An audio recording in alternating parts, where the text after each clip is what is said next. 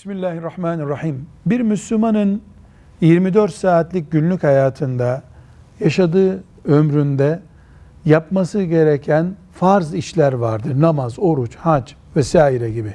Bu farz ibadetleri, haramları öğrenecek kadar ilim farz ilimdir. Bu farz ilimlere anne, baba, devlet hiç kimse engel olamaz. Müslüman bunları öğrenmek için hicret bile edebilir. Bunun ötesinde tefsir dersi, hadis dersi, geniş İslam tarihi dersi öğrenmek farz değildir. Farz olmayan ilimler için ise anne babanın bir çocuğa onay vermesi gerekir. Anne ve baba rıza göstermiyorsa çocuk bu farz olmayan ilimler için anneyi babayı çiğneyip ilim öğrenmeye gidemez. Gitmemelidir. İkna etmeli, rica etmeli, yalvarmalı, onların rızası ile gitmelidir. Yoksa farz olmayan ilmi anne ve babanın ahına rağmen öğrenen Allah'ın rızasını elde edemez. Velhamdülillahi Rabbil Alemin.